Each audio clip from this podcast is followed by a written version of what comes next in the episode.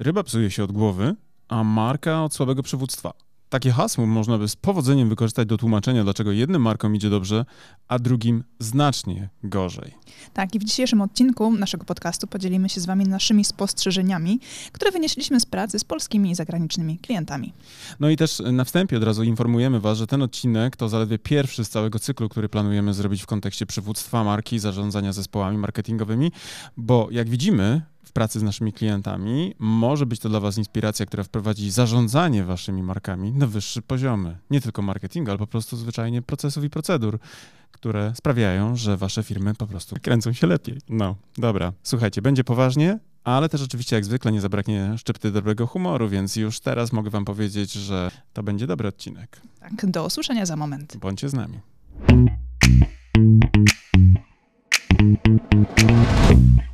Cześć Mariuszu. Cześć Karolino. Jak się czujesz? Wiesz co, czuję się dobrze. Jak prawdziwy szef jestem z siebie zadowolony. Uważam, że ten dzień jest moim dniem.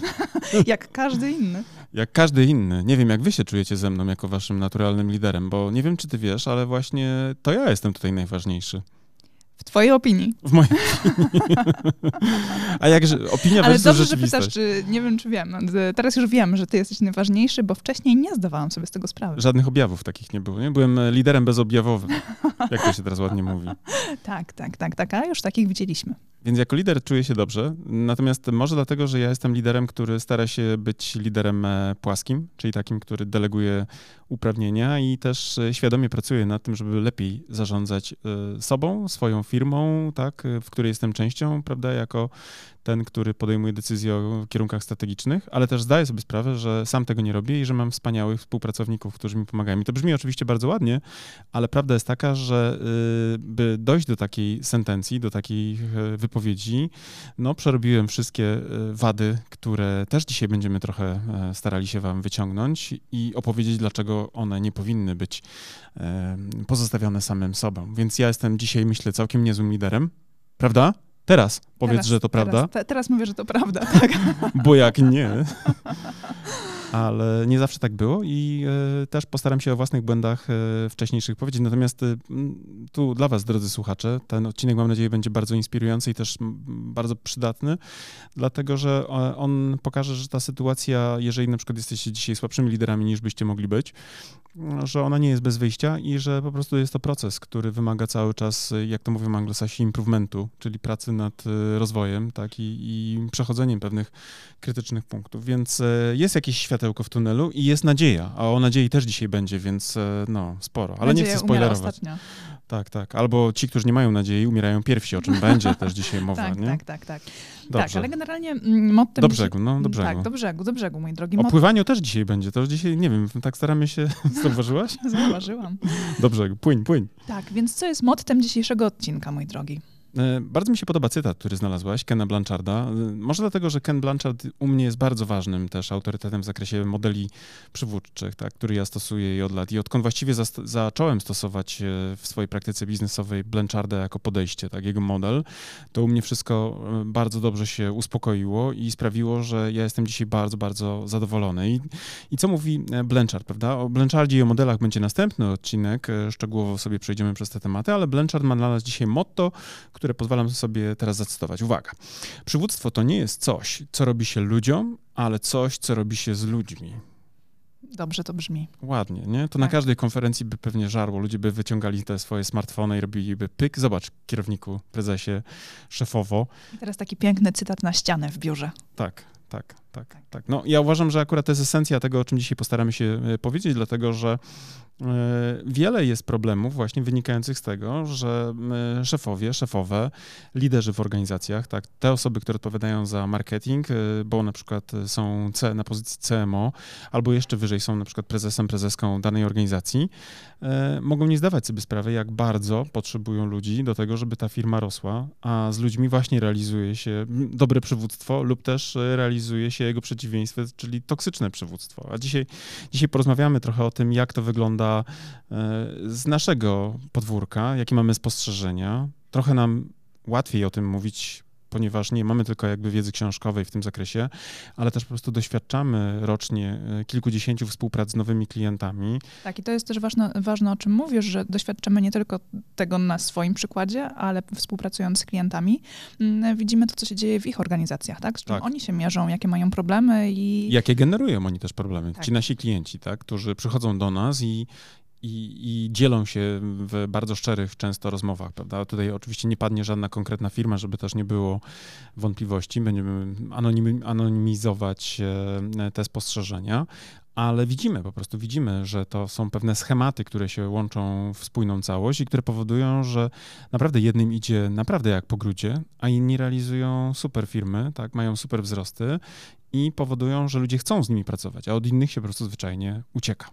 Tak, i to też jest bardzo duże wyzwanie, bo nawet klienci, którzy nie popełniają jeszcze olbrzymich błędów w tym zakresie, często mają wątpliwości, co zrobić, żeby jednak było lepiej. Tak? E, jeszcze jest... nie dotarliśmy do dna, tak, tak. ale chcemy, żeby było lepiej. Słuchaj, no jak wchodzisz osoby, na rynek, chcą się rozwijać. Wchodzisz na rynek, zaczynasz działać, tak, to trochę można parafrazować e, Mistrza Jodę z drugiej części Star Warsów. Ty wiem, że nie oglądałaś, więc dla ciebie to jest trochę taka opowieść e, w kategorii mchu i paproci, ale ja wierzę, że nasi słuchacze to są właśnie ludzie, którzy znają klasykę, zwłaszcza ze świata fantazy, a na pewno ja znam i podzielę się z wami tą informacją. Otóż w drugiej części Master Yoda, ćwicząc Luka Skywalkera na tej swojej tam e, odludnej planecie, e, miał taką sesję treningową, gdzie Luke e, latał po tych bagnach i tam musiał się zmierzyć z widmem swojej niebezpiecznej transformacji, która mu groziła, jeśli przejdzie na ciemną stronę mocy. No i był taki, ja pamiętam jako dziecko w ogóle oglądałem ten film w kinie, w sensie dziecko, no taki tam pewnie z 12 lat, nie? Dziecko. No, nadal dziecko. Dziecko, no teraz wiesz, 30-latki są dziećmi jeszcze, nie? Mieszkają z rodzicami, ale nie o tym jest ta historia. No właśnie, do brzegu. Do brzegu. płyń, płyń, płyń. Dwunastoletnie dziecko oglądałem i pamiętam, byłem przerażony, jak Luke Skywalker wszedł do takiego tunelu, takiej jakby jamy trochę, wiesz, takich tuneli, wiesz, nie, nie wiem po co on tam wlazł, co go tam ciągło, ale oczywiście jak wlazł do tego tunelu, to oczywiście pojawiło się charakterystyczne takie sapanie y, Darfa Vadera, prawda, bo miał tam jakieś problemy z płucami, więc miał jakiś aparat, który... takie charakterystyczne, nie? No i momentalnie, wiesz, ciach, ciach, wyciągnęli te swoje mieczyki laserowe, no i pyk, pyk i główka tego derfa spadła. I było to trochę zaskakujące, no bo poszła ta po prostu akcja nadspodziewanie gładko, tak? No ale okazało się, że jak spadła ta głowa, to uchyliła się maska tego, tego, tego mm, wiesz, Darfa Vadera, a w tej masce nie był ten słynny Darth Vader, tylko pod maską, tylko był właśnie, wiesz, fizis y, Luka Skywalkera. Czyli, wiesz, ta informacja o tym pilnuj tych, wiesz, ciągot do, czarn- do ciemnej strony mocy, ponieważ one są w każdym z nas, w każdym, w każdym człowieku i ty za chwilę też możesz być po prostu tym takim szwarc, szwarc charakterem, nie? I teraz do czego zmierzam? Wchodzisz sobie do biznesu i myślisz sobie, ja nigdy nie będę toksycznym szefem, szefową, bo ja jestem fajną osobą, mnie wszyscy lubią. Moja mama mówiła, że w ogóle to jestem najlepsza. I, czy najlepszy, nie? A w ogóle do tej pory mama uważa, że jestem po prostu wspaniałym dzieckiem. Ale w praktyce potem się okazuje, że pojawiają się stresy, pojawiają się błędy typowo zarządcze, pojawiają się błędy w rekrutacjach, brak edukacji na przykład takiej typowo przywódczej po stronie y, zarządzającego. No bo wiesz, ktoś na przykład, nie wiem, właśnie pomyślał, to byłoby dobrym krokiem wyjść z korporacji, albo nie wiem, zarobiłem jakieś pieniądze, sprzedałem dom i będę robił firmę. To na jakich wzorcach on pracuje? Prawda? Czy ty jako, nie wiem, młoda osoba w szkole podstawowej, na studiach, mieliście w ogóle zajęcia z przywództwa? E, mieliśmy omawiane modele, ale w praktyce w ogóle tego się nie ćwiczyło w żaden sposób. Mówiliśmy w jednym z naszych podcastów, że nie było w ogóle rozmów o tym, żeby jakiekolwiek prace zespołowe, prawda, kultywować, tak. rozwijać nas umiejętności. I tak samo z przywództwem. U nas w szkołach generalnie uczy się teorii, tak, a praktyka się bardzo mocno pomija. Tak, nawet jak są jakieś zajęcia typowo, wiesz, warsztatowe, seminaryjne, to wiesz, które mają skracać jakby tą płaszczyznę, to, to niewiele się jakby w praktyce e, o tym mówi, ale zasadniczo e, faktycznie jest tak, że ktoś, kto zaczyna biznes, on, ta osoba, e, no nie ma doświadczeń zarządzania ludźmi, bo to są jego pierwsze takie kroki i on ćwiczy, ćwiczy w boju. Więc bardzo często przynosi wzorce, które zna. Albo na przykład ze szkoły, gdzie, wiesz, w szkole oczywiście... Gdzie był silnym chłopakiem, nikt mu nie podskakiwał. Tak, i na przykład rozstawiał po kątach, bo miał takie schematy, w których się nauczył. Albo też obserwował silnych chłopaków, którym nikt nie podskakiwał. Albo generalnie był duszą towarzystwa i miał masę znajomych i wszyscy go lubili. Był przewodniczącym, bo był właśnie lubiany, więc go wybierali. Tak. E, ale generalnie relacje były w oparciu o ten towarzyski aspekt. O cechę osobowości bym tak. powiedział, tak? Jakim był, taki, taki był i taki jest, nie? No jak to uwielbiam na portalach randkowych, znaczy uwielbiałem, bo teraz już tam nie szukam, bo mam najlepszą spośród żon. Dziękuję za sprostowanie. Wiem, co mówić. Kiedy Najlepszą jestem... spośród rząd. To ile tych żon masz? Yy, na razie o tym nie chcę mówić, kochanie, bo wiem, że to cię bardzo denerwuje. Konkurencja w tym sektorze po prostu jest niedopuszczalna.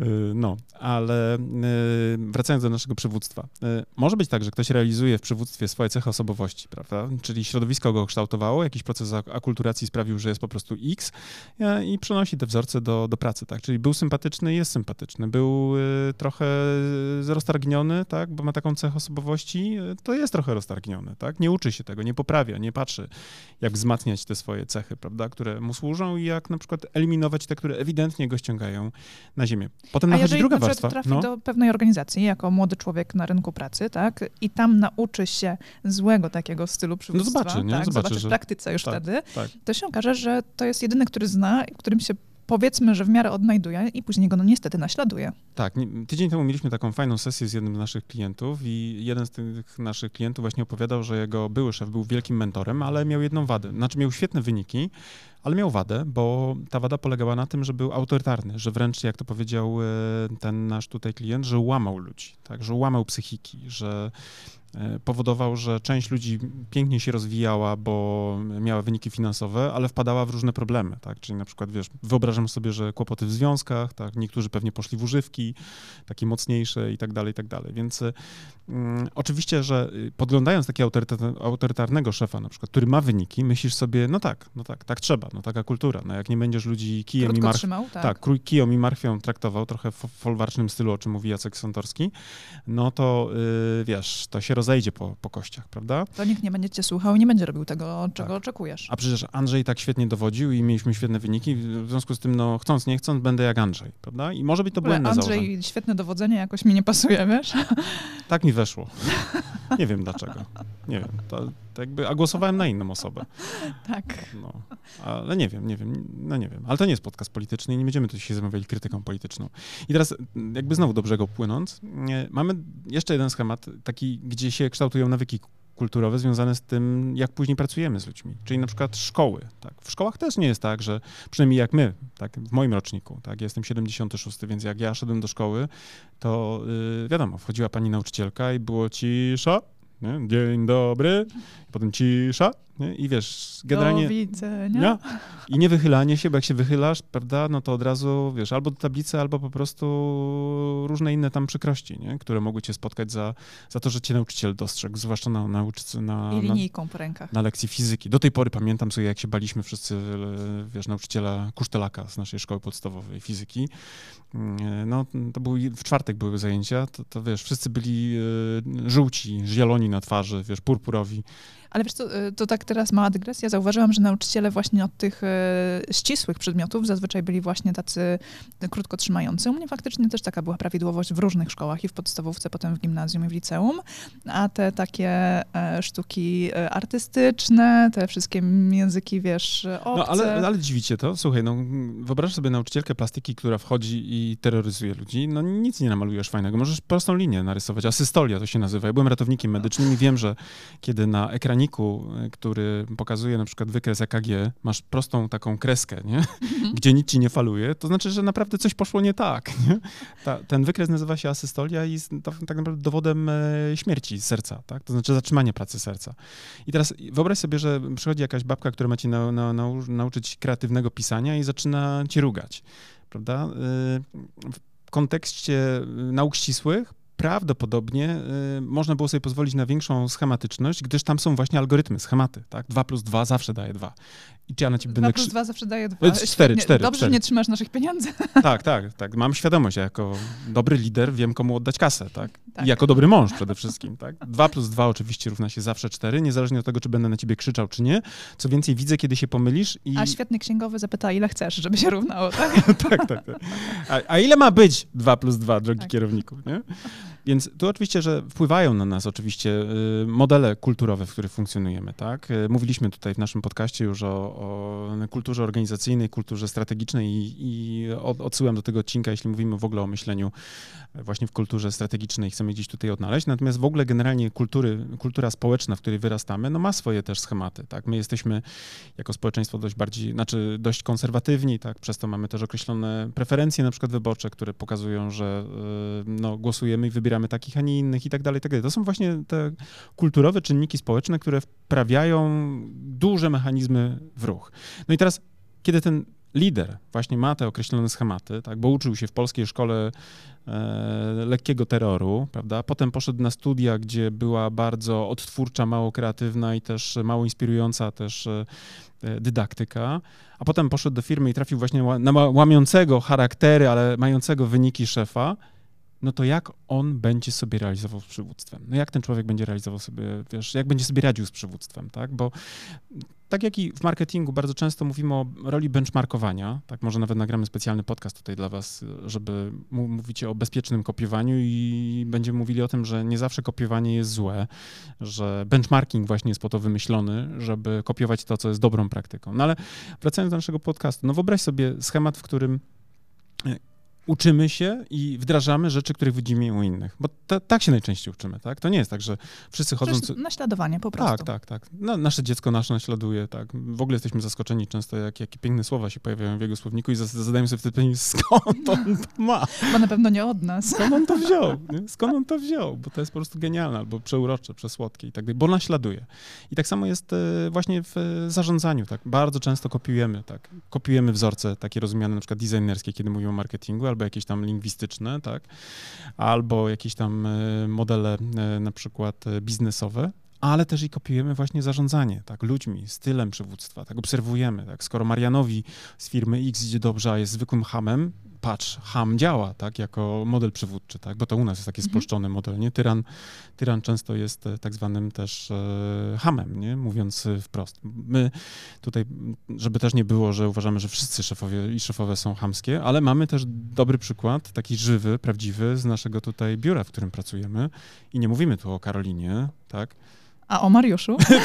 o mnie mam nadzieję też nie, przynajmniej nie zawsze, ale o jednym z właścicieli firm, które nam e, towarzyszyły na jednym z tutaj mijanych korytarzy. I, I ten właśnie szef to taki typowy właśnie styl opresyjny, tak, taki, my mówiliśmy, że on też zarządza przez bicie kotletów, bo... Tak. Miał biuro koło, nasz, koło naszego biura, w sensie za ścianą. Miał gabinet, miał mhm. gabinet, w którym przyjmował. Tak, i tam często słyszeliśmy taki dźwięk, nie wiem, czy to słychać, ale walił pięścią po prostu w stół. Głośno. Plus leciały określone frazy, nie? Które, mięso. Mię, mięso, było mięso, właśnie ten kotlet był, tak? Było mięso, mięso i artykułowany problem.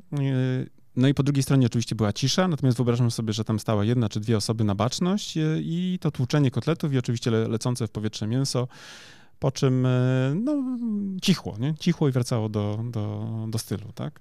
I ta firma oczywiście y, sobie jakoś na pewno radzi, bo, bo dlaczego by nie, ale prawdopodobnie też nie działa w branży kreatywnej. Tak, bo... tak, i tutaj też właśnie dochodzimy do tego, co też wiąże się pewnie z tymi naukami ścisłymi i humanistycznymi. I to potem też się okazuje, w jakim dziale pracujemy, czy w jakiej firmie, w jakim dziale kreatywnym wymagana jest nasza praca, to okazuje się, że ten styl przywództwa jest mega istotny. I taka osoba, która jest kreatywna, która musi swoją wyobraźnię poruszyć, która musi znaleźć rozwiązania do pewnych problemów i znaleźć różne pomysły na, na działanie. Twórcze, nowe, zupełnie tak. świeże. Tak? Tak, tak, tak. To okazuje się, że ona nie może być włożona w ścisłe ramy 2 plus 2 to jest 4, tak? Bo ona musi pomyśleć, jak można inaczej coś rozwiązać. Jej się nie motywuje w sposób e, opresyjny, tak? Bo ona wtedy, jak każdy, zaczyna e, obniżać loty i zaczyna się y, stresować i zaczyna y, produkować na niższym poziomie, tak? I teraz na przykład, jeżeli mówimy o w ogóle motywowaniu też y, jako przywódcy, tak, czyli wpływaniu na motywację ludzi w branży kreatywnej. Świetnie o tym pisze Daniel Pink w swojej książce Drive. Ja bardzo lubię tą książkę, ponieważ ona mówi po pierwsze, jak pracować z kreatywnymi, co ich motywuje i jak wynagradzać kreatywnych. Tak? Tu polecam wam od razu tą pozycję, bo być może na przykład wam brakuje pewnych kwestii i ja tą książkę przeczytałem kilka lat temu temu i naprawdę od tamtej pory, kiedy sam zatrudniam ludzi kreatywnych, posługuję się schematami, e, które tam wyczytałem. E, nie chcę spoilerować i też nie chcę odbierać chwały temu autorowi i zachęcam was do przeczytania tej książki, natomiast zmierzam do tego, że jeżeli jesteście właścicielami firmy produkcyjnej, gdzie liczy się jakiś schemat, który jest raz wypracowany, jakaś instrukcja, która jest dobrze opracowana. To ta to kreatywność jest wymagana na niższym poziomie. No w ogóle jej tam nie ma praktycznie, czasami nie? tak, bo czasami jakieś usprawnienie w procesie produkcyjnym jest e, oczekiwane, tak? Pracownik na linii produkcyjnej może wpaść na pewne rozwiązanie, które pomoże usprawnić cały proces, zaoszczędzić na przykład mu no, kilka, tak, kilkanaście tak, tak. minut tak. dziennie tu, tu na, na, czymś. Ja myślałem, wiesz, w kontekście kreatywnym rozumianym jako, nie wiem, projektowanie czegoś zupełnie od nowa, wiesz? Ale kiedy mówisz o takiej metodzie Kaizen, tak, która mówi o stopniowym, cały czas permanentnym rozwijaniu poprzez właśnie doskonalenie procesów, to tak, to zgoda, tak? I też oczywiście taki pracownik na linii produkcyjnej y, teoretycznie może zgłosić jakąś racjonalizację. Mój tata zresztą jest inżynierem i e, przez wiele lat e, pracował na własnej działalności, bo miał firmę taką usługową, parkieciarską, kład parkiety szlifował i tak dalej. Zresztą też pomagałem mu w wakacje, jeździłem. Nienawidziłem tej roboty, absolutnie była przeciwieństwem kreatywnej. No jak tak ładnie deseczki mogłeś w, w, różne wzory układać? Nie, ja tego nie mogłem robić, bo generalnie my byliśmy od szlifowania tego, co już było położone, więc trzeba było zeszlifować. No to już faktycznie nie było wiesz, hałas, zapylenie, jakby daj spokój, nie? Ale to mogłeś sobie przynajmniej ustalać trasę, którą pojedziesz szlifierką? Niekoniecznie, bo zaczynało się zawsze w określony sposób, więc jakby to, to, to, nie jest case dla mówienia o kreatywnej pracy.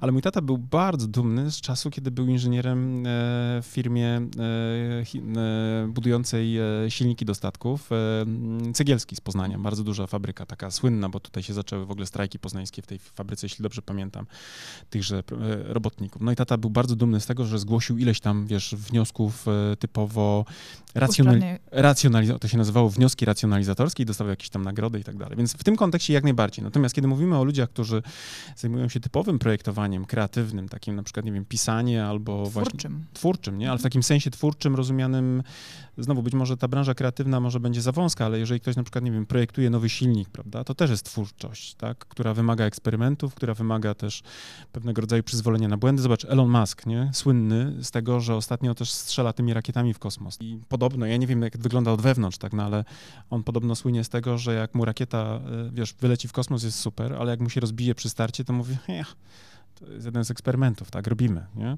A w przeciętnej polskiej organizacji, kiedy rakieta przy starcie padła, tak, czy w takiej organizacji, która ma taki schematyczny, bardzo autorytarny styl, gdzie nie pozwala się właśnie na błędy przy eksperymentach, no to się okazuje, że... Że pierwsze, co się dzieje, to jest szukanie winnego. Kto za to odpowiada, tak. nie? Kogo ściąć, kto, komu obciąć, kto, kto musi sfinansować na przykład y, błędny proces, nie? No bo w ogóle mm, generalnie myślimy tutaj w kontekście zarządzania firmą jest pewnego rodzaju cały czas e, procesem jakimś tam, prawda? Procesem związanym e, z budową marki, wiadomo, to jest jeden proces, proces związany z akwizycją talentów rynkowych, potem mamy proces związany chociażby ze sprzedażą produktów i usług, tak? E, z tworzeniem różnych innych procesów, które na różnych poziomach, których w ogóle z zewnątrz też nie widać, cały czas jest procesowaniem czegoś, prawda?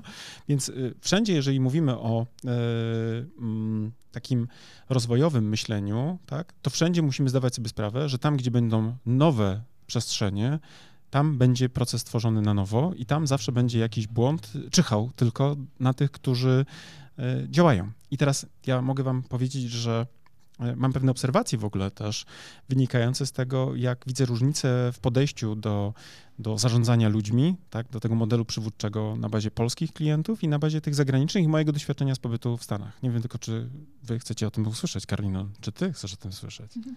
Dajesz, mój drogi. Najwyżej to wytniemy. Najwyżej wytniemy. Otóż, moi drodzy, ja mogę wam powiedzieć, że ja już kilka lat na tym rynku zawodowym funkcjonuję i pamiętam, jak wchodziłem w latach 90. jeszcze na rynek pracy, to właśnie trafiłem na taki rynek bardzo hierarchiczny. Tak, ja, młody pracownik, y, w ogóle się nie liczyłem, nikt nie chciał słuchać mojego zdania. Racjonalizacja w kontekście jakby jakichkolwiek uwag z mojej strony, które by mogły wnieść do organizacji, absolutnie nie działało. Pamiętam wręcz, e, że było to niemile widziane, a raz wręcz zostały moje skradzione pomysły. Trafiłem do jednej z firm jako dyspozytor. E, to była firma, która realizowała usługi takie e, pomocy drogowej. To była niemiecka firma działająca w Polsce. Marzyłem o tej robocie, bo wydawało mi się, że to moje pierwsze stanowisko kierownicze. Mogłem, wiesz, delegować pracowników E, do na przykład jakiejś tam, wiesz, e, usterki drogowej mhm. i decydowałem o tym, co się działo. Tak przynajmniej na poziomie domysłu. Potem w praktyce okazało się, że tam były układy wewnętrzne, tak, miało być trzech w nocy, dyspozytorów był jeden, bo reszta szła do chaty. Kumasz, nie? Więc jakby mafia taka wewnętrzna była i ja sześć miesięcy się starałem o tę pracę, a zrezygnowałem po trzech. No ale zmierzam do tego, że e, jeśli chodzi o e, moje doświadczenia z rynku pracy w Polsce, kiedy jeszcze pracowałem dla kogoś, no to generalnie rzecz biorąc były bardzo właśnie takie hierarchiczne, można by powiedzieć, że jakby tutaj cytując Jacka Santorskiego, bardzo Czyli e, no był jakiś tam decydent, który no właśnie w dół przekazywał jakieś swoje e, żądania, swoje oczekiwania, no i potem, wiesz, ty jak byłeś na dole tej drabiny, no to nie miałeś nic do powiedzenia, po prostu miałeś robić na czas. A jeżeli przypadkiem miałeś jakiś pomysł na usprawnienie, to okazywało się, że wytykasz błędy, tak? Więc tak, wytykasz błędy i no, wiesz, gówniarz się rządzi, nie? Wiesz. Lepiej wie, tak być ta, nie może, ta, trzeba to ukrócić. Mhm. Co on tam zauważył, nie? A ja uważam, że akurat i to myślę, że nie tylko ja zauważam, ale w ogóle po to się zatrudnia często konsultantów, ponieważ mają świeże spojrzenie i widzą coś, czego nie widzą ludzie y, w organizacji, bo mają mm, oślepienie na przykład latarnią, nie? Mhm. są za blisko pod tak, latarnią. Brak dystansu. Brak dystansu i tak dalej. Nie? I w tej organizacji, gdzie byłem dyspozytorem, to owszem, wysłuchano na jakimś tam, wiesz, poziomie moje y, y, uwagi racjonalizatorskie, ale ta osoba, która wysłuchała, y, przypisała sobie jako własne, zaniosła do szefa i zgarnęła chwałę, nie? Więc byłem w ciężkim szoku, mówię, kurczę, nie? Jakby następnym razem na pewno się wychylę i powiem coś od siebie, nie?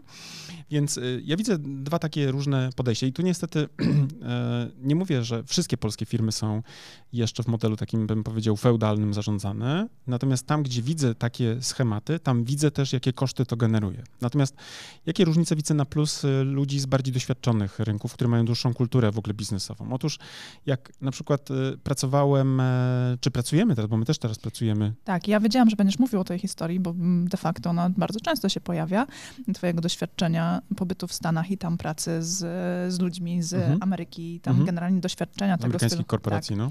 tego stylu zarządzania i przywództwa. I generalnie chciałam powiedzieć, że to było kilkanaście, kilkadziesiąt lat temu. Słuchaj, tam leciałem w 90. To już kilkadziesiąt. Dziewiątym, nie?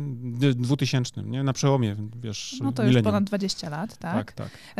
I generalnie przez te 20 lat y, nie wiem, czy dużo się zmieniło w tutaj polskich realiach. Faktycznie widać firmy, które lepiej sobie radzą, ale bardzo dobrze jeszcze ten stary model przywództwa Zależy, gdzie pójdziesz, tak? wiesz? Zależy, bo, no znowu, my mamy dziesiątki interakcji takich z nowymi zupełnie klientami i, i jak widzimy na przykład tak, które są trochę przez, prze, wiesz, przesiąknięte tą kulturą tak, zarządczą tak. z mhm. zachodu, tak, bo czytają książki. Jak rzucisz właśnie frazę e, Daniel, Daniel Pink, to tak. wszyscy mhm. rozumieją. Jak rzucasz frazę Ken Blanchard, e, to przynajmniej część z nich mówi tak, znamy te modele i też uważamy, że X, Y, Z, prawda? E, w ogóle, w ogóle są bardziej jakby na czasie, tak? Natomiast są oczywiście firmy, zwłaszcza w takich ośrodkach, których kwitnie produkcja, tak? Albo są jakieś stare modele biznesowe, to tam wiadomo, nie? To to jest jakby, tu się jakby czas zatrzymał, tak? To nie tylko... jeszcze stara gwardia funkcjonuje, tak? Sta, stary mental taki, nie? Stare mapy mentalne, jakby powiedział Jacek Bartosiak, nie? Więc oczywiście, że tak. Natomiast w Stanach mnie uderzyło to, że ja byłem traktowany przez e, wiceprezesa HSBC jako człowiek wiesz, na zasadzie człowiek. Nie na mhm. zasadzie, że równy sobie, to nie o to chodzi, tylko że człowiek, do którego się mówi po ludzku, tak? Do którego mówi się, czy byłbyś uprzejmy. Z szacunkiem. Z szacunkiem. Nawet jak ja popełniłem błęda, popełniałem bardzo, bo ja z nim mieszkałem, to już mówiłem w podcaście, jako członek taki doszywany rodziny amerykańskiej e, i, i tam opiekowałem się jakby trójką chłopców, e, Tediego, to zdarzyło mi się e, wycofując z garażu zmęczony w piątek staranować samochód gosposi, która sprzątała u nas w domu.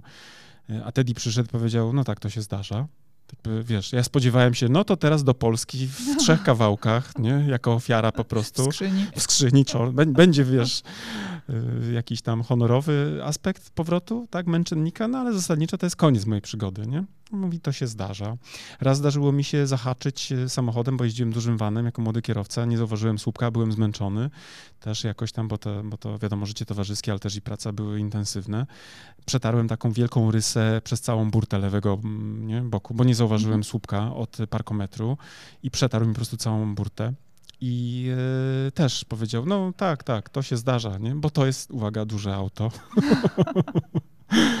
Y, narobiłem naprawdę wiele szkód, ale nigdy on nigdy fizycznie na mnie nie podniósł głosu, tak? Nigdy też nie, nie, nie użył y, względem mnie y, pejoratywnych określeń, na przykład you are fucking moron, nie? Albo coś tam, prawda? Oczywiście wiem, że mówił o mnie za plecami e, wow, Mariusz, he's a szmak. Oni byli Żydami, tak? Oni byli e, izraelskiego pochodzenia, on był bankierem, ale nigdy e, jako szef nie wyraził się wprost na mój temat e, negatywnie, tak? To teraz pytanie z podkręconą piłką, tak. bo mówisz, że wiele szkód narobiłeś, nigdy nie podniósł na ciebie głosu. Tak. To może to był ten problem, że nie podniósł na ciebie głosu.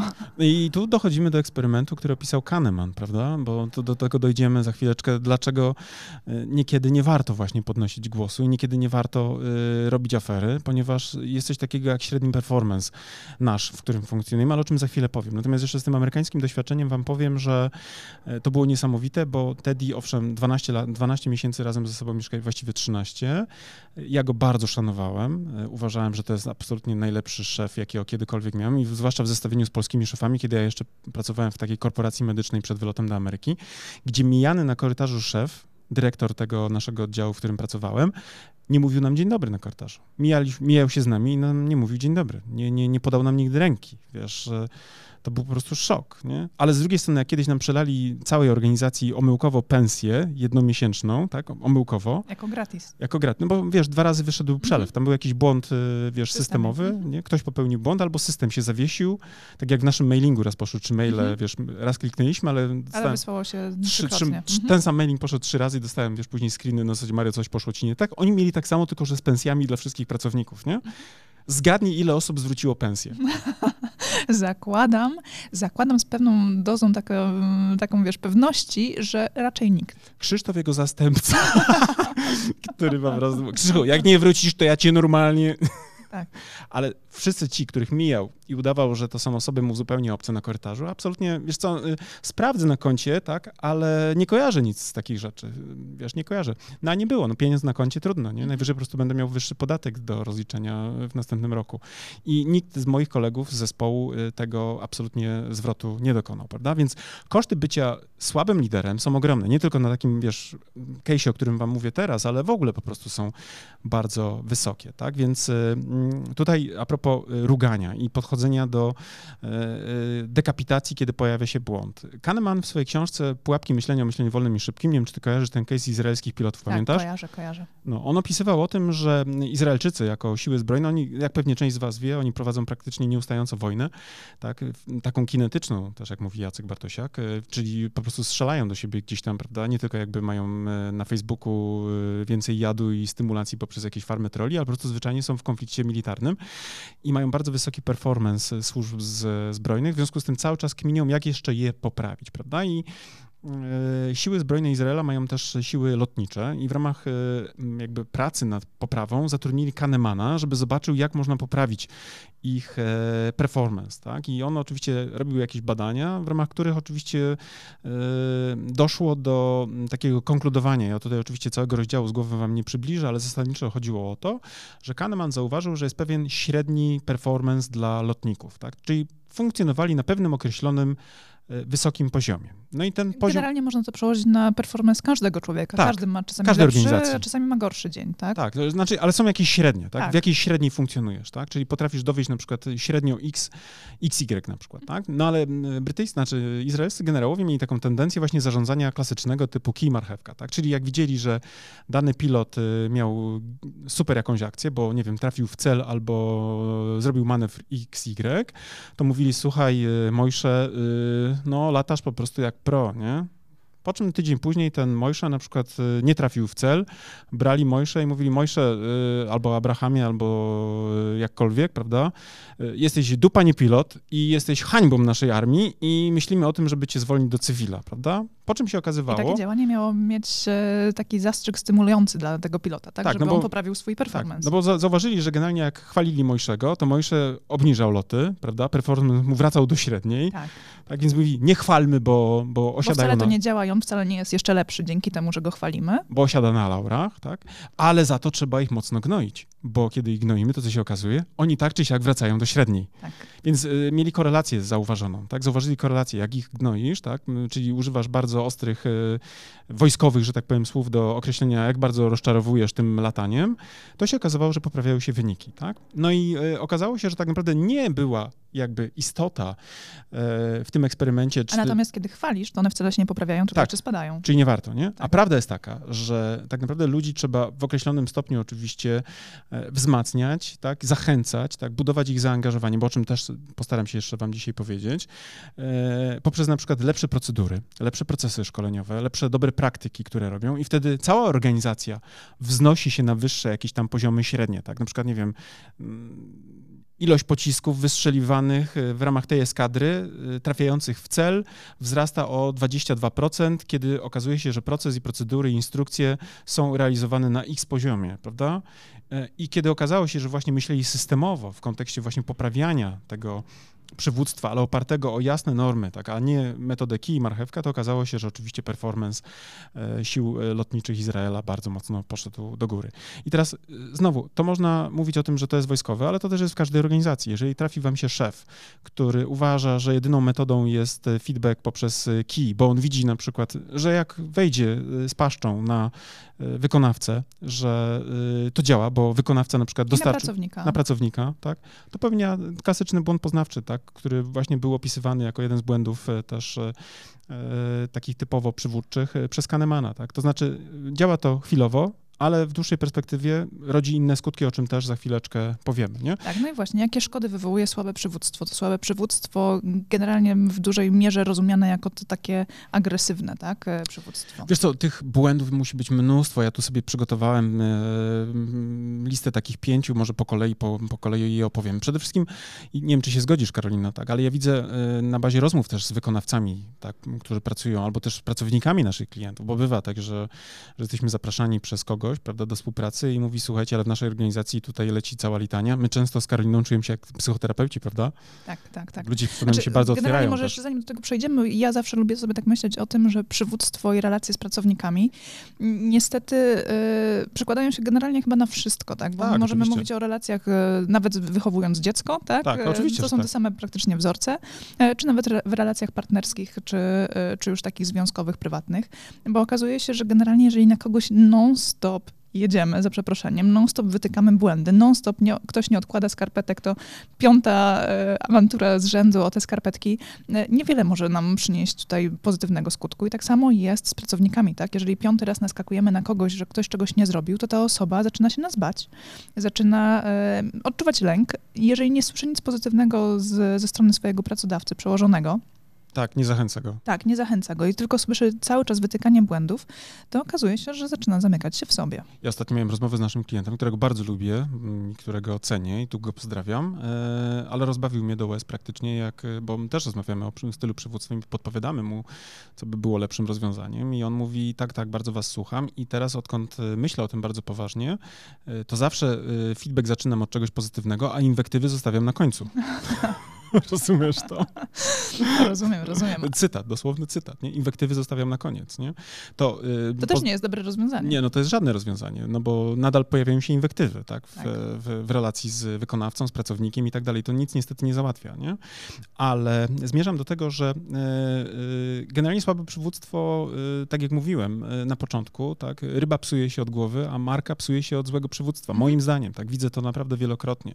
I teraz, jeżeli mógłbym tutaj być dla was jakimś takim też inspiratorem do pracy własnej, bo teraz, żeby nie było, tak, że ja tutaj jestem taki mądry. Ja przerabiałem wszystkie te błędy. Kiedy zostałem młodym człowiekiem w wieku 27 lat, właścicielem firmy, tak, bo tak jak mówiłem, w jednym spotkaniu moja mama zmarła i nagle zostałem, wiesz, rzucony na role, w rolę, wiesz, e, szefa marketingu firmy, która miała trzy oddziały w Polsce i tam kilkudziesięciu przedstawicieli terenowych to y, elementy lekkiej sodówy też przeżyłem, tak? Lekkiej to pewnie moja wspólniczka, moja siostra w tamtym powiedziała, lekka, stary, nie doszacowujesz jakby skali swojej sodówy, nie? Tak, to, to na bank miałem takie oczadzenie jakby władzą, tak? Każdy to przeżywa, tak? I, znaczy, nie wiem, czy każdy, bo to znowu jest generalizacja, ale ja na pewno przeżyłem i wiem, jakim też musiałem być trudnym też dla ludzi współpracownikiem, kiedy e, oczekiwałem, e, wiesz, że ludzie w lot zrozumieją, o co mi chodzi, tak? Kiedy... E, Autorytarnie podchodziłeś do no, tematów, no, tak? Oczywiście, plus, wiesz, nie zważałem w ogóle na ton głosu, kiedy udzielałem feedbacku, bo uważałem, że, że przecież... ważniejsze jest to, co, co mówisz, niż nie jak, jak mówisz, mówię, tak. tak. A przecież dzisiaj wiemy, że przecież jesteśmy bardzo emocjonalni, tak? Ja też pracując z klientami, często wchodząc w rolę właśnie też, wiecie, partnera, który odpowiada za jakiś fragment działań marketingowych, to też często jestem trochę jak taki pracownik w tej relacji, tak? Więc ktoś ma na przykład ze mną relację już lekko, wiesz, przełożoną z nami, nie? Więc ja też cały czas czuję te różne napięcia i braki na przykład umiejętności właściwego feedbackowania po stronie jakiegoś tam partnera, który bardzo by się starał, ale z drugiej strony, na przykład z uwagi na to, że nie ma uprocesowanych różnych rzeczy, to skacze i zarządza, wiesz, materią jakby biznesową w sposób bardzo intuicyjny i ad hocowy, nie? Co przekłada się później na napięcia, które on odczuwa, ten człowiek czy ta osoba i tak dalej, i tak dalej. Więc pierwsza szkoda, którą ja widzę, tak, wynikająca ze słabego przywództwa, to znowu y, na poziomie jakby relacji z teamem, w branży kreatywnej oczywiście, tak, bo tutaj mówimy o e, zarządzaniu marką, to lęk przed wychylaniem się z uwagi na przykład na stosowany e, często fizycznie mobbing, tak, tychże Na konsekwencje. Osób. Na konsekwencje, tak, na mobbing, który często Ładnie jest... nazwana kara to jest po tak, prostu. kara, tak, bo ludzie się boją, tak, na przykład zmiany, tak, e, boją, boją się wydzie, wydać opinię, tak, boją się rekomendować coś, bo dostaną, ha, kto tak zepsuł, tak? Mhm. Y, kto za to odpowiada. A nie zdają sobie sprawy taki, tacy przywódcy, że y, proces kreatywny jest procesem, jak sama nazwa mówi, jest procesem, czyli jest z jakichś etapów, z jakichś drobnych kroczków. Jak my opisujemy procesy, E, niektórych działań, tak, pod tworzenie różnych tam naszych usług, no to naprawdę są dziesiątki różnych drobnych kroczków, które składają się na proces i oczekiwanie przez kogoś, że na starcie będziesz miał już efekt jest po prostu błędem.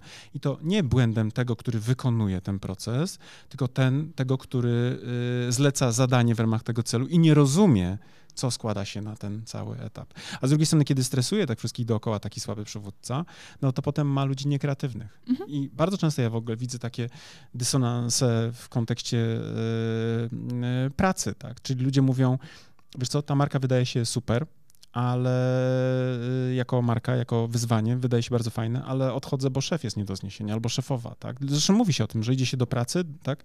A odchodzi się od szefa, od szefowej, nie? Tak, z tego względu, że na przykład właśnie takim stylu autorytarnym, kiedy jest y, nasz szef, nasz y, w teorii lider, tak? Który, mhm. który nam przewodzi, to okazuje... Albo liderka, bo tam kobiety też potrafią tak, być toksyczne. No, to, wiesz, tak, ja miałem tak, szefową, tak, pierwsza tak. szefowa w tej korporacji medycznej, to była szefowa, był szefem, był jakby CEO, był, mhm. był facet, ale szefową jakby HR-u była kobieta. Jezu Chryste. Ale rzeczywiście. Tutaj... Co to był za robokop, tak, wiesz? Tak, niezależnie od płci to osoby, jego, tego, tak. tego, tego szefa to wszyscy mieli w nosie, no bo wiadomo, nie? To jest trochę jak e, bezobjawowiec, nie? Mhm. Tak, trochę jak wiadomo kto dzisiaj. Nie? Abdykujący po prostu. Tak, abdykujący szef, tak? Nikt się z nim nie liczył, nikt go nie poważał, I potem... to też jest pewien styl przywództwa. Tak, tak, tak, absolutnie, nie? Natomiast jak wchodziła pani Dorota, to wszyscy, o Jezu Chryste. Nie? Ja do tej pory pamiętam, jak się mój kolega... Chowamy się za szafą. Tak, tak, bywały takie sceny, nie? Widziałem, jak, jak, jak wchodziła pani Dorota do dyspozytorni, tak, i ludzie robili się optycznie mniejsi. Potrafili, wiesz, miałeś cień X i nagle tylko się okazało... Tylko nie ja, tylko, tylko nie, ja. nie patrz na mnie, mnie tu nie ma, mnie tu nie ma, nie patrz na mnie, w ogóle na mnie nie patrz.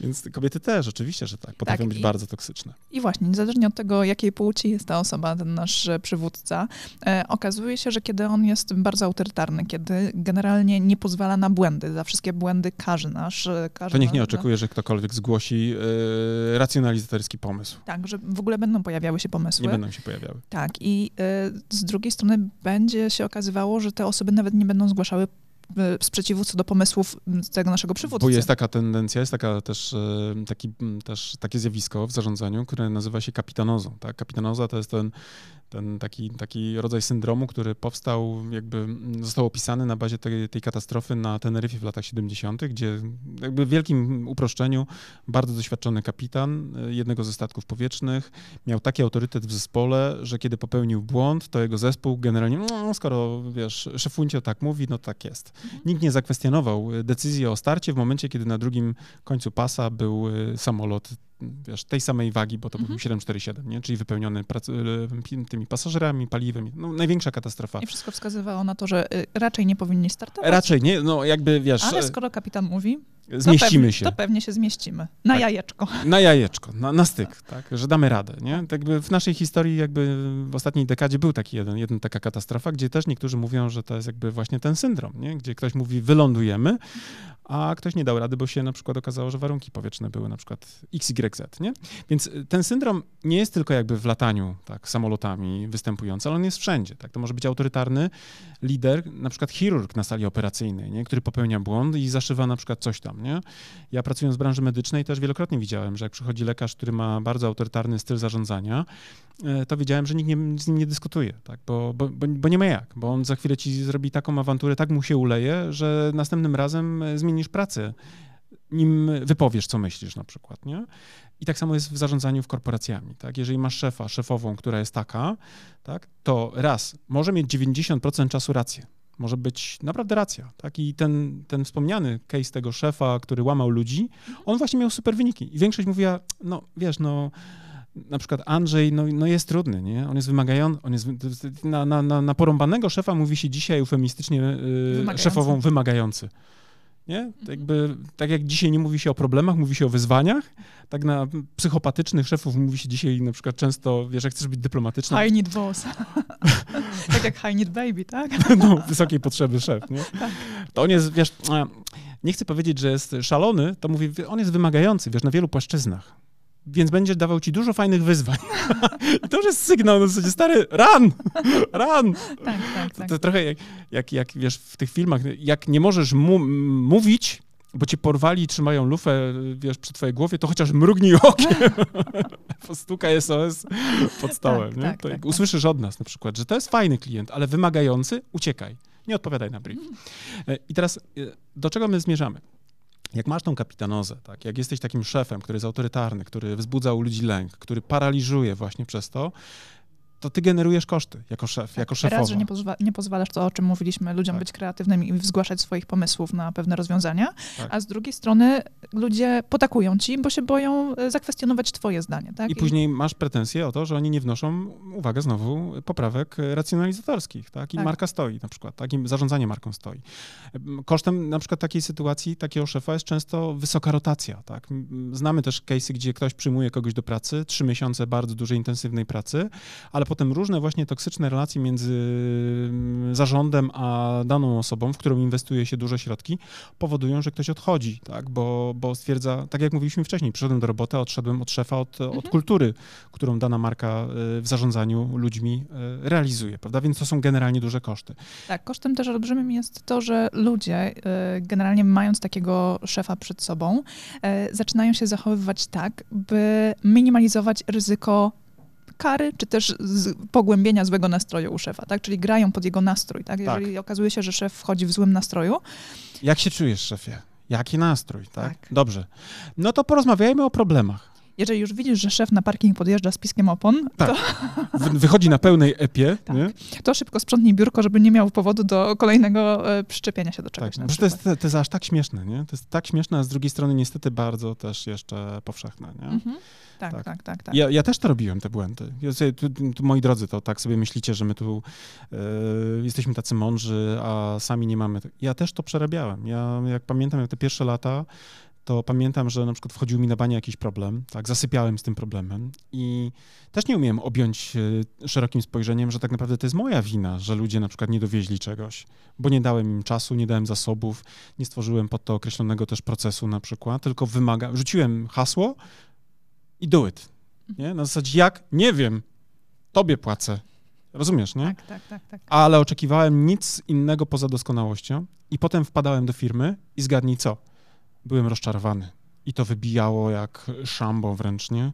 Więc to, to jest naturalne, wiesz, ja też przerabiałem, ja jestem dzisiaj dużo mądrzejszy niż byłem kiedyś, jestem z tego naprawdę dumny, bo to po prostu u mnie działa i od pięciu lat nikt ode mnie nie odszedł zawodowo. Tak, mamy stały zespół pracowników, współpracowników. Co więcej, mam wrażenie, że cenią sobie z nami pracę i co więcej, bardzo dobrze przekłada się to na w ogóle gładkość naszej, naszej organizacji w funkcjonowaniu. Ale przerabiałem wszystkie te, te błędy i wiem, że one po prostu są kosztowne. I nawet nie tyle, że ja jestem taki wspaniały, bo ja mam dużo wad. Ty pewnie nie uwierzysz mi, Karolino, prawda? Bo to dla ciebie brzmi... Nie, ja w ogóle żadnych wad twoich nie widzę. Wad czy wad? Wadu nie widzisz? Wad, wad, wad. wad. No. no właśnie, ale niektórzy, ja, ja, to powiem, ja mam wady, tak? Natomiast walczę... Ty nie masz wad, ty masz trupy w szafie. mam trupy w szafie. No mam też, tak, mam też. Z przeszłości tak, absolutnie. Wiesz, ja uważam, że, że e, popełniłem wszystkie możliwe błędy przywódcze, o których tu dzisiaj, dzisiaj e, mówię, tak? Bo mnie to zaskoczyło. Odpowiedzialność, którą dźwigałem, mnie zaskoczyła, przerosła i nie umiałem sobie z tym poradzić. Co więcej, nikt mnie tego nie uczył. Dopiero tak naprawdę, kiedy zacząłem rozwijać Premium Consulting jako trzecią firmę, miałem duży kontakt z psychologami. E, nie dlatego, że byłem na terapii i wcale nie mówię, że terapia jest zła, bo my sami dzisiaj nawet korzystamy z psychologa, który nam pomaga układać różne relacje i biznesowe, i domowe. Tak, korzystamy z pomocy Witka, który z nami rozmawia i udziela nam feedbacku. I to jest cudowne, że w ogóle nas e, psychicznie stać na to, żeby pójść i przyznać, że nie wszystko jest u nas super, nie? I wymaga na przykład, wiesz, konfrontowania i pomocy, nie? Takiej, wiesz, doświadczonego człowieka ale... E, Tego dystansu. Dystansu jest też, nie? I usłyszenia, że to jednak jest wszystko twoja wina. w sensie mówisz to, co usłyszałeś od Witka, e, który mówił do ciebie, tak? Tak, jak dzwoniłem do niego, Witek, słuchaj, e, są trzy produkty tej konsultacji, na które liczę. Tak? Po pierwsze, Karolina ma usłyszeć, że to jest jej wina. Tak. Ona ma mieć plan naprawczy przygotowany przez ciebie, tak? I y, chce 25% rabatu na wszystkie kolejne, bo z Poznania, nie? Tak, i Witek pierwszy, co powiedział do Mariusza, to jest, Mariuszu, to jednak jest twoja wina. Nieprawda, to nie było tak. Ale zmierzam do tego, że y, Wszystkie te błędy ja przerabiałem, więc y, praca była, wiesz, do wykonania. Pracuję cały czas nad tym. Tak? No właśnie, to jest proces ciągły, tak? I to nie jest, jest, tak, że jeżeli raz się czegoś nauczymy, to już nigdy więcej nam się noga nie powinie i nie popełnimy błędu. Tak. E, może ale też i przywódczego, tak? Tak, ale bo, właśnie bo, o tym no, mówię, no, tak, no, że, no. że generalnie może tak się okazać, że w tym naszym e, przywództwie będą zdarzały się te lepsze i gorsze dni, bo każdy ma Przybicie, swoją średnią, nie? Takie tak? Więc może czasami coś pójść nie tak, ale generalnie nie, powinniście Musisz się wtedy na, samobiczować. Myśleć o tych, ty jako przywódca, czy wy jako przywódcy, musicie myśleć o sobie trochę jak ci piloci izraelscy w eksperymencie Kahnemana, tak? Czyli musicie mieć średnio wysoki performance i dążyć do tego, żeby poprawiać procesy przywódcze non-stop, tak? Zdawać sobie sprawę, że wy też jesteście oczywiście tylko ludźmi i też czasami wam się uleje, to jest normalne, tak? Ale z drugiej strony pamiętajcie, każde ulanie powoduje, ja kiedyś słyszałem, nie pamiętam kto to powiedział, więc nie podam nazwiska, ale trochę mówił o awanturach, y, to było na, na gruncie prywatnym też, nie? Na zasadzie, że każda awantura oczywiście jest przejściowa, ale z drugiej strony można ją porównać do wbicia y, gwoździa w deskę. Tak? No, wybijesz, wbijesz tego gwoździa i potem wyciągniesz tego gwoździa, oczywiście możesz powiedzieć przepraszam, mhm. Ale, ale zawsze, dziura zostaje. Ale dziura zostaje. Ściana, wiesz, zostaje z jakimś tam, z jakąś dziurą, tak? I, i, Jak będziesz tak co chwilę wbijał gwoździe w tą deskę, to... To drzazgi pójdą, tak? tak. To, to, relacja pozostanie w drzazgach, tak? Jedno, spoko, zdarza się, ulało ci się, spoko. Ale jak masz dziewięć ulanych i jedna spoko, to naprawdę wierz mi, że będziesz miał za chwilę wielki eksodus e, ludzi od ciebie i uwaga, jeszcze w tym wszystkim powiem, będą mieli rację. Tak, tak, tak bo tak, tak. jeśli ty nie chcesz się zmieniać na lepsze, my nie chcemy się zmieniać, bo ja mówię też o sobie, to trzeba zmienić ciebie i to w taki sposób, że zmienić e, środowisko, odejść od ciebie nie? i mhm. od nas też. Nie? Dlatego my na przykład bardzo mocno pracujemy nad tym, żeby te osoby, które z nami pracowały, czuły się bezpieczne. Czuły się bezpieczne w relacji i z przyzwoleniem na określone też błędy, które, uwaga, my też staramy się wychwycić i pomagać im e, poprawiać tak? Bo improvement jest stały, nie ma doskonałych organizacji. My też nie jesteśmy doskonali. My też popełniamy błędy, bo ciągle wchodzimy w nowe rzeczy, więc uczymy się ciągle nowych historii, więc nie ma na wszystko wiesz, opracowanych tematów, ale z drugiej strony też dajemy naszym współpracownikom przestrzeń na błędy, kiedy są e, realizowane jakieś projekty, a my oczywiście wspieramy w tym procesie ich e, eliminacji, nie tych osób, tylko błędów. Nie? Tak, tak, I to, tak, tak, wierzcie mi, to jest gigantyczny postęp, gigantyczna zmiana jakościowa, bo od nas naprawdę nikt nie odchodzi. To jest niesamowite, jak już długo rekrutujemy, bardzo długo. Ale z drugiej strony rekrutacje, które pojawiły się 5 lat temu, cały czas te osoby są z nami na pokładzie i co więcej, to są ludzie, którzy dowożą bardzo dużo roboty sami ściągając nas mnóstwa innych problemów, których y, mogliby generować nowi pracownicy, którzy by byli puszczeni w te środowisko, w których funkcjonują już nasi doświadczeni ekspertki i eksperci. Nie? Dokładnie tak. Więc... Ale generalnie, gdybyśmy mieli mhm. podsumować tutaj te wszystkie wady mm, e, złego mhm. przywództwa, to chyba taką najważniejszą, oprócz tego, że ktoś odejdzie z naszej pracy, bo dobrnie do swojego, e, do swojej ściany i powie, że odchodzi, to generalnie, jeżeli taka osoba zostaje u nas, to najważniejszą taką słabością tej mhm. całej sytuacji jest to, że tej osobie odbieramy nadzieję, tak, na, na w ogóle lepszy, lepszy byt w naszym miejscu pracy. No tak. Jest zdemotywowana, no i generalnie pozbywamy ją zaangażowania. Tak jest. Są badania, które mówią o tym, że e, te organizacje, które mają najlepszy performance, taki na szerokim poziomie, tak, to są organizacje nie te, które na przykład zatrudniają jakieś super gwiazdy, tak, na przykład, nie wiem, ściągają sobie do organizacji jakiegoś dyrektora z wielkiego banku, który nagle sprawia, że wszystkie inne działy nagle poprzez e, dyfuzję, e, tak, e, zaczynają implementować charakter tego jednego wspaniałego lidera, tak, tylko tak naprawdę organizacje, które są w całości, całości bardzo mocno zaangażowane. Czyli te zespoły, które mają najwyższy poziom zaangażowania, to te, które mają najlepszy performance, uśredniony w długim horyzoncie czasowym, nie?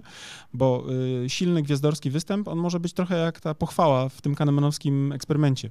Działa doraźnie w miejscu, w którym pochwała jest, czy, czy gwiazdor mhm. działa, a słabnie, kiedy na przykład odchodzi, tak? Albo tak. zmienia się. Plus jak jeden człowiek jest tylko, tak, a nie zespół mocny, mocno zaangażowany, to się okazuje, że kiedy odejdzie ten człowiek, to okazuje się, że, że organizacja nagle straci też e, napęd, nie? I a propos jeszcze nadziei, jest taki fajny eksperyment, który ja też, e, na który też trafiłem, karta Richtera z 57 roku, który brał, w którym brały udziały szczury.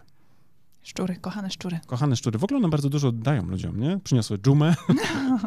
cholerę też chyba. Nie wiem, czy cholerę, ale na pewno dżumę, prawda? To szczury roznosiły chyba, tak jeśli dobrze pamiętam. W każdym razie szczury mocno pracują na swoją miskę ryżu, bo yy, robi się fajne eksperymenty na nich, takie ciekawe. Otóż y, kater, w sensie szczury pewnie mają inną optykę w, tym, w tej kwestii, ale kater E, przepraszam, Carter e, Richter, e, zrobił eksperyment, który mówi o tym, jaka jest rola nadziei w ogóle w podtrzymywaniu chęci życia. Otóż ja to też później przeniosę trochę na grunt zawodowy zarządzania marką i przede wszystkim zespołu i przywództwa. Otóż okazało się, że umieścił szczury w pojemniku z wodą, szczury, które były wyjęte ze środowiska naturalnego, a musicie wiedzieć, że szczury generalnie są bardzo dobrymi pływakami. Szczury to nie są takie lamusy, wiesz, które nie umieją, które jak wrzucisz są niczym kamień, tak, i idą na dno, tylko po prostu doskonale pływają. Jak foczki. Jak foczki, tak? Radzą sobie doskonale, tak? E, wrzucił do wody szczury, które mm, w pojemniku, tak, z wodą, e, które... Nie miały możliwości wydostania się tak, z niego. Tak, nie miały, tak? I tym doskonałym pływakom wystarczało 15 minut, żeby pokminić, że sytuacja jest bez wyjścia. W związku z tym zaczęły tonąć, poddały się i zaczynały tonąć. Skoro nie ma wyjścia, to po co się wysilać? Po co się męczyć, po co dodawać, tak? Jak nie mam wyjścia, to nie mam nadziei na poprawę sytuacji, tak? I poddaje się i jest game over, tak? No i okazało się, że e, idąc dalej tokiem tego eksperymentu, sprawdzili, jak się dzieje, kiedy szczury zaczynają widzieć e, nadzieję przed sobą, tak? To znaczy, e, Richter wyciągał te szczury, tak? Mniej więcej, kiedy mm, tam była ta graniczna... Dobiegało do prawie 15 minut, tak? Tak, tak. Zaczęły wyraźnie słabnąć, wyciągał wyciągał z tego pojemnika z wodą, osuszał, dawać, dawał e, odetchnąć, a potem e, e, wkładał na chwilę tam do, do klatki, która pewnie była dla nich synonimem miejsca bezpieczeństwa, a potem z powrotem do pojemnika z wodą. Do wody, tak. I tak robił kilka razy, nie? w ten sposób pracując. Słuchajcie, w finalnej wersji tego procesu szczury potrafiły pływać w tym samym pojemniku do 60 godzin. Do 60 godzin, zanim nie zaczęły tonąć. E, gigantyczna różnica, tak? Nawet nie umiem procentowo przeliczyć, ile razy to dawało lepsze wyniki, tak? Czyli generalnie rzecz biorąc, jaka jest konkluzja dla nas, tak? E, jeżeli szczury miały cel, tak? Czyli na przykład przy życiu do następnego wyłowienia miały lepszy performance, większą, walę, większą e, wolę warki, tak? Szczury też nauczyły się, że mają pewną kontrolę też nad swoim losem, więc warto walczyć o ten lepszy los, prawda? I szczury dowiedziały się w ogóle, że mogą pewnym procesom też jakby na poziomie pewnie ich szczurego umysłu nadawać pewien przebieg, tak? Mogły walczyć albo nie walczyć, tak? Czyli miały jakąś tam formę decyzyjności. I teraz dlaczego o tym mówimy? No bo my jesteśmy trochę jak tacy, takie szczurki w naszych życiach. Nas jak się pozbawi nadziei, ludzi, tak? Na to, że na przykład będę awansował, będę miał lepszą pracę, nie wiem, kupię dom, będę wreszcie mógł... A nasz szef już się nigdy nie zmieni. Tak. I zawsze będzie taki sam zły tak, i warczący zawsze będzie mu się ulewało, nigdy nie będzie umiał feedbackować porządnie. To jak sądzicie, po ilu minutach ten wasz kreatywny pracownik rzuci wam papierami? Kiedy odejdzie? Kiedy zacznie szukać w robocie innego miejsca pracy? Może nie po 15 minutach, tak? bo te procesy są nieco dłuższe, ale zasadniczo... 15 dniach. 15 dni każdego dnia y, reprymenda tak jest. i sankcje jakieś finansowe za niedowiezienie albo właśnie narażenie na koszty naszej organizacji, tak. to okazuje się, że taki pracownik powie, no kurczę, hola, hola, hola ile hola, można? Ile można to znosić? I znosi krócej niż się wydaje. Chyba, że, chyba, że nie ma wyjścia Ale z drugiej strony, znowu pamiętajmy, dzisiaj mamy sytuację rynku pracy pracownika. W większości branż, generalnie rzecz biorąc, brakuje rąk do pracy. W branży kreatywnej, marketerów, zwłaszcza specjalistów wysokiego stopnia, brakuje. Brakuje programistów, tak. Tutaj też musisz, jak na przykład masz software house i wyżywasz się na programistach, oho, ho, krótka piłka, tak. Jeżeli jesteś, nie wiem, e, szefem firmy produkcyjnej i pracujesz na jakiejś głębokiej prowincji i ludzie nie mają jak dojechać do dużego miasta, to oczywiście, że twój styl będzie dużo bardziej odporny na e, tego typu y, apele jak nasze, bo twoi ludzie nie mają wyjścia i nie mają wyboru. Ale z drugiej strony, jak pracujesz w dużym mieście, masz dużą organizację na rynku, który daje duże możliwości fluktuacji, tak, zmiany, no to niestety będziesz trochę miał y, problemów z utrzymaniem tego najbardziej wartościowego teamu. I to jest na ten moment chyba czas, w którym e, będziemy chcieli e, powiedzieć, że co, że pauza, czy jeszcze coś byśmy podpowiedzieli? Generalnie myślałam, że jeszcze wspomnimy w tym odcinku o tym, co można zyskać doskonale z przywództwo, ale być może... Optymistycznie, może optymistycznie, dobrze, zróbmy to. Może w trzech żołnierskich słowach? No to w takim razie ty. Ja, tak? Ty, ty pasujesz mi takiego typowego, wiesz, e, żołnierza. Pewnie już wyciągając wnioski z dzisiejszego odcinka i z naszej rozmowy, wiecie, że generalnie doskonaląc przywództwo możemy zbudować większe zaangażowanie w, w, waszych i w naszych pracownikach, tak? Ale w sobie też, no bo zobacz, my dzisiaj... Miało mamy... być w trzech żołnierskich słowach. Ale to ja już powiem, bo no. pozwól. Nie będziesz mi mówić, co mam robić. Pamiętaj, że masz przywództwo oświecone, ty stosujesz, tak? Empowerment. Hola, hola. Y, my na przykład pracując tak, jako ludzie, którzy cały czas się rozwijają w zakresie przywódczych technik, takich umiejętności, y, to nie jest tak, że tylko nasi ludzie są zaangażowani, ale też my jesteśmy bardziej zaangażowani, bo ludzie, z którymi pracujemy, dużo dają od siebie. Dzisiaj zapytaliśmy naszego pracownika, jakby nas ocenił i sobie nawet zacytałem, za, za, zapisałem, że gdyby nas miał opisać jakimś branżowym żargorem, to jesteśmy trochę dla niego jak bezszeryfowy krój pisma w kolorze żółtym. Czyli kreatywni, tacy nowocześni, tacy nowocześni tak. ciepli, tak. E, trochę irracjonalni może czasami, bo przecież szaleni. pozwalamy, szaleni pozwalamy mu mówić, co myśli. nie wiem, co jeszcze. Kiedyś przypalimy go żelazem i wyciągniemy z niego, co jeszcze miał na myśli. Nie? Ale to oczywiście rozumiemy, że to był komplement w jakimś tam e, zaszyfrowanym stopniu, ale e, też pokazuje, że przez to nasza praca jako szefów, jako właścicieli firmy jest też przyjemniejsza. No bo Mniej się spotykamy... tak? Mniej, jest tak. mniejsza presja. E, tak. Generalnie mamy wrażenie, że też atmosfera jest zdecydowanie przyjemniejsza, więc tak. nie ma tego napięcia tak. i od razu dzień lepiej nam mija, tak? W takiej... A miałem, naprawdę, to jeszcze raz wrócę do swojego, miałem takie sytuacje. Jechałem, pamiętam, kiedyś do Warszawy zwolnić pracownicę w stopniu, jak to się nazywa ten, z, taki, tam z paragrafu. Nie wiem, nigdy nie doświadczyłam, więc nie mam pojęcia. No, pamiętam, że to był taki słynny paragraf, gdzie się po prostu, wiesz, zwalniało z dnia na dzień, wiesz, e, z winy pracownika tam. Bo dziewczyna generalnie rzecz biorąc robiła coś, co było bardzo nieuczciwe. Nie chcę używać słowa kradła, bo ona by pewnie powiedziała na to inaczej. Po prostu nie, nie, nie księgowała wszystkiego. Dzieliła się zyskami. Dzieliła się zyskami, bo po prostu zrozumiała inaczej partnerstwo, nie? Więc e, pamiętam te straszne napięcie, które miałem jadąc do Warszawy 300 kilometrów, mając nadzieję, że ona nie będzie wiedziała, że do niej jadę.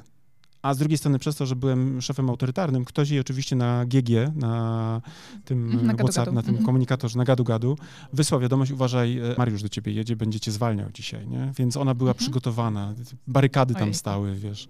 No, no, no, no, nie takie fizyczne, tylko na mentalnym już przygotowałaś, więc znamy to, znam to, przerabiałem i, i, absolutnie wiem, że, że to budowa zaangażowania i dobra atmosfera jest kluczowym elementem, który możemy wrzucić do paczkę tak. korzyści. To, co jeszcze możemy zyskać na pewno doskonaląc nasze przywództwo, to jest mniejsza rotacja pracowników, ale też i mniejsze koszty pozyskiwania nowych osób do naszego zespołu, no bo kiedy chcą pracować w nietoksycznych organizacjach, to do nas walą drzwiami i oknami praktycznie, tak? Tak. Nie mamy z tym problemu, plus co więcej, e, nie czujemy wielkiej presji płacowej, bo e, no, oczywiście staramy się być godni w tym wszystkim, wiadomo, ale też nie ma czegoś takiego, że myślimy, e, wiemy, że jesteśmy fatalni, że mamy reputację okrutników, tak, tyranów, ale za to musimy na przykład powiedzieć, że to znajdziesz w swojej pensji na przykład razy trzy, tak?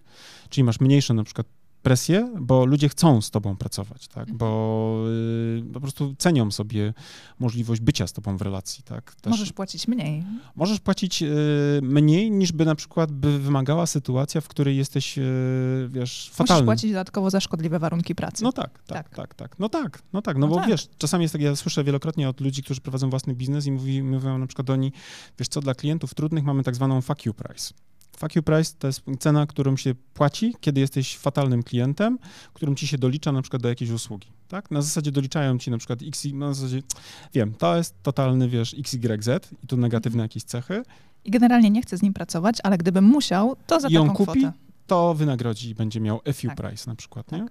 I jak jesteś super szefem, to nie musisz e, płacić tego frycowego, tak? Możesz po prostu płacić na przykład stawkę rynkową na, na danym stanowisku, albo na przykład dawać inne benefity. W startupach się tak robi w ogóle. Jak masz ciekawy startup, masz ciekawą To opowieść masz o tym, owocowe czwartki. to masz owocowe czwartki, to jest raz, ale masz też na przykład y, pensum niższe, tak, bo ktoś ci mówi, słuchaj stary, no nie możemy ci zapłacić, bo nie ma dzisiaj wielkiej pensji, bo, bo jesteśmy startupem, wiadomo, dzisiaj inwestujemy w rozwój, ale z drugiej strony na przykład atmosfera, to jest jedno, tak, masz niekorporacyjne normy Mhm. pracy, masz y, właśnie tą kulturę zarządu, masz fajnego lidera, masz super szefa, masz super organizację, ale z drugiej strony masz na przykład jeszcze coś, co jest takim racjonalnym argumentem, masz opcję na akcję, tak? Czyli angażuj się i dzisiaj może ci nie zapłacimy dużo, ale w przyszłości na przykład będziesz milionerem, bo wprowadzimy startup na giełdę, tak? Więc to, wiesz, też balansuje się w jakimś stopniu. No i chyba dotarliśmy do końca tego odcinka.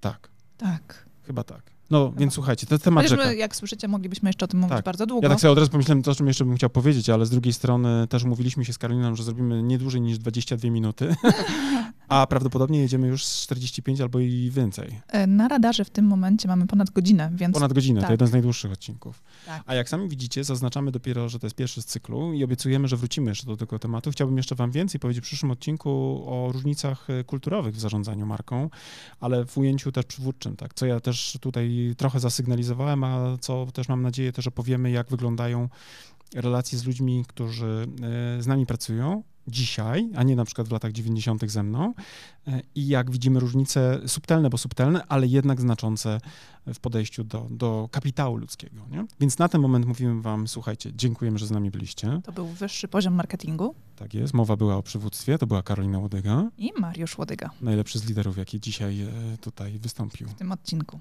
Tak, mogę mówić tak, dlatego że była też najlepsza z liderów. tak, tak. Tak. I dziękujemy, że byliście z nami i wysłuchaliście tego odcinka. Tak, tak jest. Bądźcie dobrymi szefami, szefowymi, uczcie się przywództwa, bo to nie tylko jest dobre i właściwe, ale też i wam się będzie opłacać. Dokładnie tak. Tak jest. Do miłego. Pozdrawiamy wszystkich. Do usłyszenia. Pa, pa. Cześć.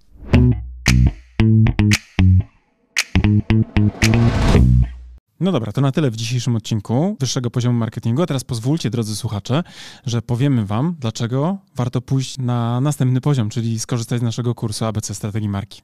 Tak, bo jak wiecie, to po pierwsze macie już do niego kod rabatowy 15%, a po drugie ten kurs i wiedza z niego pozwoli wam wejść na wyższy poziom marketingu z waszą marką i dzięki niemu opracować strategię dla waszej marki. I to jest oczywista oczywistość, prawda? Tego byśmy nawet nie musieli mówić, gdyż już na pewno wiecie. Natomiast to, co nie jest pewnie dla Was jasne, to to, z jakich elementów składa się ten kurs, prawda? Pierwszy taki, najważniejszy, od którego zawsze wychodzimy, który, uwaga, jest najmniej pewnie spektakularny, no bo wiąże się przede wszystkim z tą robotą w okopach, czyli analizą, prawda? To jest ten pierwszy obszar, który jest naprawdę niezwykle istotny. Dzięki naszemu kursowi APC Strategii Marki będziecie wiedzieli, jak zrobić badanie marketingowe, które pozwoli Wam określić to, co nazywamy fachowo consumer insightem, czyli insightem konsumenckim, albo inaczej mówiąc po polsku, po prostu tak jak należy, patriotycznie, co jest potrzebą konsumenta. Tak, ale też e, ten kurs pozwoli wam przejść do drugiego etapu, czyli etapu strategicznego i opracować strategię waszej marki, czyli znaleźć też unikalne pozycjonowanie dla waszej marki. No oczywiście jak to zrobić, dowiecie się z kursu, natomiast zaręczam Wam, że ta wiedza, która jest w tym kursie przedstawiona, zdecydowanej większości z Was pozwoli naprawdę zdystansować się od Waszych konkurentów i po prostu zwyczajnie zarabiać więcej. A skoro już będziecie wiedzieli, jakie macie unikalne pozycjonowanie przyjąć dla waszej marki, to też z, z naszym kursem dowiecie się, w jaki sposób docierać do waszych odbiorców, by w ich umysłach zbudować właśnie to odpowiednie pozycjonowanie.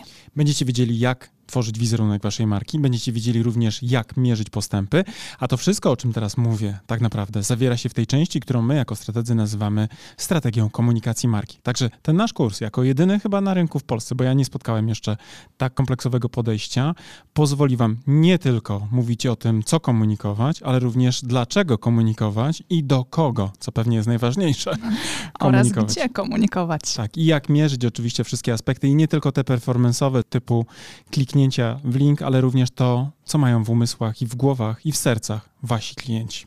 Generalnie ten kurs posiada bardzo, bardzo dużo informacji na temat tego właśnie, w jaki sposób, gdzie i co komunikować. I jeżeli chcecie się dowiedzieć dokładnie, co jest zawarte w naszym kursie, to zapraszamy na naszą stronę internetową. Natomiast z mojej strony mogę wam powiedzieć, że z czystym sumieniem go polecam jako współautor, ale też jako człowiek, który bardzo często wraca merytorycznie do tego kursu, bowiem nawet dla mnie, jako do człowieka, który pracuje na co dzień, ta wiedza, którą tam zebraliśmy, jest fundamentem, do którego ja też często wracam, kiedy potrzebuję pewne rzeczy sobie przypomnieć. A jak to robię? Przede wszystkim za pomocą własnej prezentacji, bo w tym kursie nie tylko jest treść wideo, ale również macie mnóstwo bardzo wartościowych załączników, chociażby na przykład 512-stronnicowa prezentacja. Ale uwaga, niech to was nie przeraża, ponieważ te slajdy są zrobione w sposób bardzo przyjemny i w taki sposób, że nie są przesycone treścią, a z drugiej strony esencjonalnie pokazują to, co jest w tej treści najważniejsze.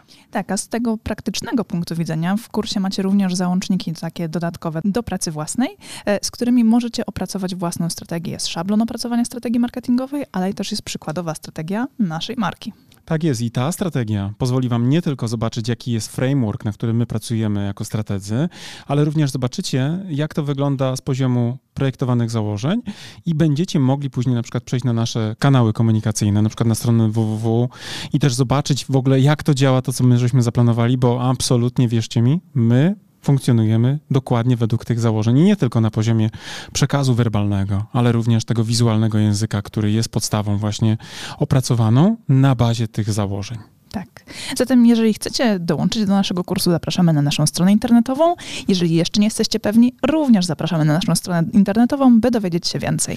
Bo być może my was nie przekonujemy jako autorzy, bo pewnie jesteśmy trochę nieobiektywni, ale jeżeli potrzebujecie jakiegoś dodatkowego głosu, to posłuchajcie i też poczytajcie opinii ludzi, którzy wzięli w tym kursie udział, bo myślę, że oni są faktycznie najważniejsi jako prawdziwi z krwi i kości uczestnicy.